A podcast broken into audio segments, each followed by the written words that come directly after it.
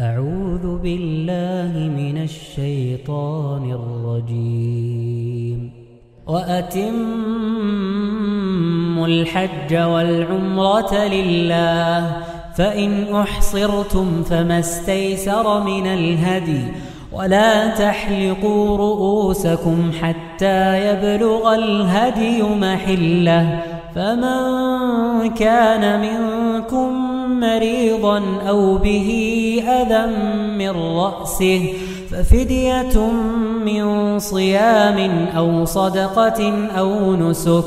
فإذا أمنتم فمن تمتع بالعمرة إلى الحج فما استيسر من الهدي.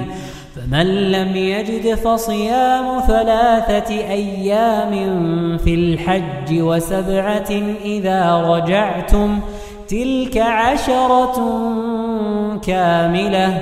ذلك لمن لم يكن أهله حاضر المسجد الحرام.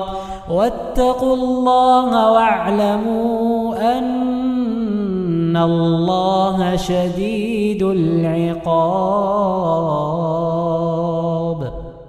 هذه الآية يستدل بها العلماء على أنه يجب على من دخل في الحج أو العمرة أن يتمها. وأكثر العلماء لا يحتجون بهذه الآية على وجوب الحج والعمرة وإنما على وجوب إتمامها بعد الدخول فيها. يعني الآن لو سألت واحد منكم وقلت ما هو الدليل على وجوب الحج؟ فقال وأتم الحج والعمرة لله. قلت لا هذا دليل مختلف فيه.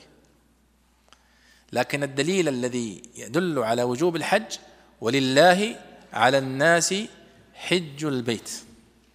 هذه الآية التي تدل على وجوب الحج. لكن هذه الآية تدل على وجوب إتمامه بعد الدخول فيه.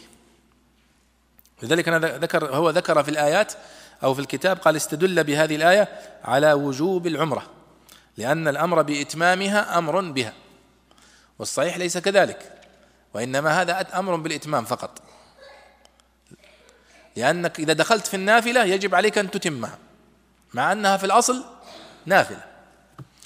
طيب قال فإن أحصرتم فما استيسر من الهدي يعني إذا حيل بينكم وبين الحرم أو بين الذهاب للحج والعمرة بعد أن حرمتم بالدخول فيه فعليك هدي تهديه إلى فقراء الحرم. فعليكم بذبح ما تيسر من الهدي سواء كان من الإبل أو البقر أو الغنم لتتحللوا من إحرامكم. يعني واحد الآن يريد أن يحرم أو يذهب للعمرة فأحرم من الميقات مثلا وليكن مثلا السيل ولا وادي محرم. وبعد أن تجاوز الميقات ونزل إلى يعني آخر آه، العقبة. آه، منعه المرور من الذهاب إلى الحرم. قالوا ممنوع. طيب أنا محرم الآن و... قالوا ممنوع. في أمر بمنع المنع من من دخولك للحرم ما الحكم؟ أمران إذا كنت في أثناء قبل أن تحرم قلت نعم لبيك اللهم عمره فإن حبسني حابس فمحلي حيث حبستني اشترط. خلاص إذا منعك رجل المرور خلاص تنزع ملابسك وترجع الطائف. ما عندك أي مشكلة. لكن إذا كنت لم تشترط قبل الدخول في النسك فإنه يجب عليك أن تذبح هدي. لكي تتحلل من إحرامك. هذا هو معنى الآية. فإن أحصرتم فما استيسر من الهدي. احصرتم يعني حيل بينكم وبين الوصول إلى الحرم.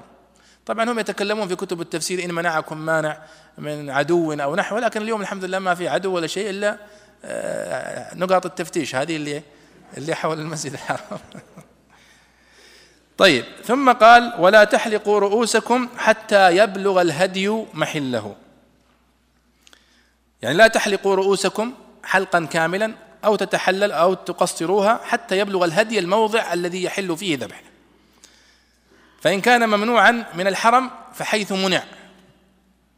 يعني افرض مثلا أنها الآن حتى الهدي الذي تريد أن تهديه إلى فقراء الحرم ممنوع تذهب به إلى حتى الحرم. فيجوز أن تذبح حتى في المكان الذي أنت فيه. وإن كان غير ممنوع من الحرم ففي الحرم. يذبح في الحرم يوم النحر وما بعده من أيام التشريق كما يذكر الفقهاء. ثم قال الله فإن كان منكم مريضا هذه حكم آخر جديد. فمن كان منكم مريضا أو به أذى من رأسه ففدية من صيام أو صدقة أو نسك. هذه الآية نزلت في كعب بن عجرة رضي الله عنه عندما ذهب ليحج مع النبي صلى الله عليه وسلم وقبل أن يصل إلى مكة وجد رآه النبي صلى الله عليه وسلم فإذا القمل قد يتساقط من شعر رأسه. فقال يا كعب قد بلغ بك من الأذى ما رأيت. يعني ما يقول ما كنت أتوقع أن يبلغ بك يعني الأذى والقمل ما رأيت. فأباح له النبي صلى الله عليه وسلم أن يحلق شعره حتى يستريح من هذه من القمل الذي آذاه في شعره. فنزلت هذه الآية فمن كان منكم مريضا أو به أذى من رأسه ففدية من صيام أو صدقة أو نسك فخيره في الفدية أن يحلق رأسه إذا كان مريضا عنده مشكلة في رأسه عنده قمل عنده أي شيء مشكلة من هذا حساسية معينة فإنه يجوز له أن يحلق رأسه ولو كان محرما. ويفدي عن ذلك قال ففدية من صيام أو صدقة أو نسك. وخيره بين هذه القضايا آه، الثلاثة. فعليه أن يفدي. إما بصيام ثلاثة أيام كما ذكرها الله سبحانه وتعالى في الآية هنا أو إطعام ستة مساكين من مساكين الحرم الخيار الثاني أو ذبح شاة توزع على فقراء الحرم. يعني قول ففدية من صيام ثلاثة أيام أو صدقة إطعام ستة مساكين كما يذكرون أو نسك يعني ذبح آه، نسيكة أو ذبيحة. قال فإذا كنتم فإن فمن تمتع بالعمر فإذا أمنتم فمن تمتع بالعمرة إلى الحج فما استيسر من الهدي فمن لم يجد فصيام ثلاثة أيام في الحج وسبعة إذا رجعتم تلك عشرة كاملة. وهذه هذه الآية أو هذا المثال يستدل به الفقهاء دائما على البيان في القرآن الكريم كيف أن الله سبحانه وتعالى يبين في بعض الآيات بيانا لا يترك فيه للفقيه مجالا للاجتهاد. فالله سبحانه وتعالى قال فصيام ثلاثة أيام في الحج وسبعة إذا رجعتم. ثلاثة زائد سبعة كم تساوي؟ عشرة. وأي واحد من من أطفال يعرف هذا القسمة. لكن الله لم يترك هذا وإنما قال تلك عشرة كاملة. حتى لا يقع الخلاف بين الفقهاء. هل الثلاثة أيام اللي صمناها في مكة نحتسبها من السبعة اللي ذكرها ونصوم أربعة؟ لأن بعض الناس كثير الجدل. مهما تجيبه وتفصل له يقول طيب هل تقصد؟ هل ما تقصد؟ فالله رفع هذا الخلاف. قال فصيام ثلاثة أيام في الحج وسبعة إذا رجعتم. سبعة زائد ثلاثة كم؟ تلك عشرة كاملة. فرفع النزاع فيها. ولذلك الفقهاء دائما يذكرون الآية فقط. هذا الحكم. ولذلك نقول من فوائد هذه الآية والأحكام التي تستنبط منها نقول وجوب إتمام الحج والعمرة بعد الدخول فيها. وأن المحصر أن المحصر يحل حيث آه، يعني آه، حبسه الحابس وينحر هديه إذا كان عنده هدي ويحلق رأسه يتحلل تماما. ومن فوائد هذه الآية أيضا مشروعية التمتع في الحج. والتمتع في الحج هو أن يأتي المعتمر أو الحاج فيعتمر ثم يحل من عمرته يحلق رأسه وينزع ملابس الإحرام.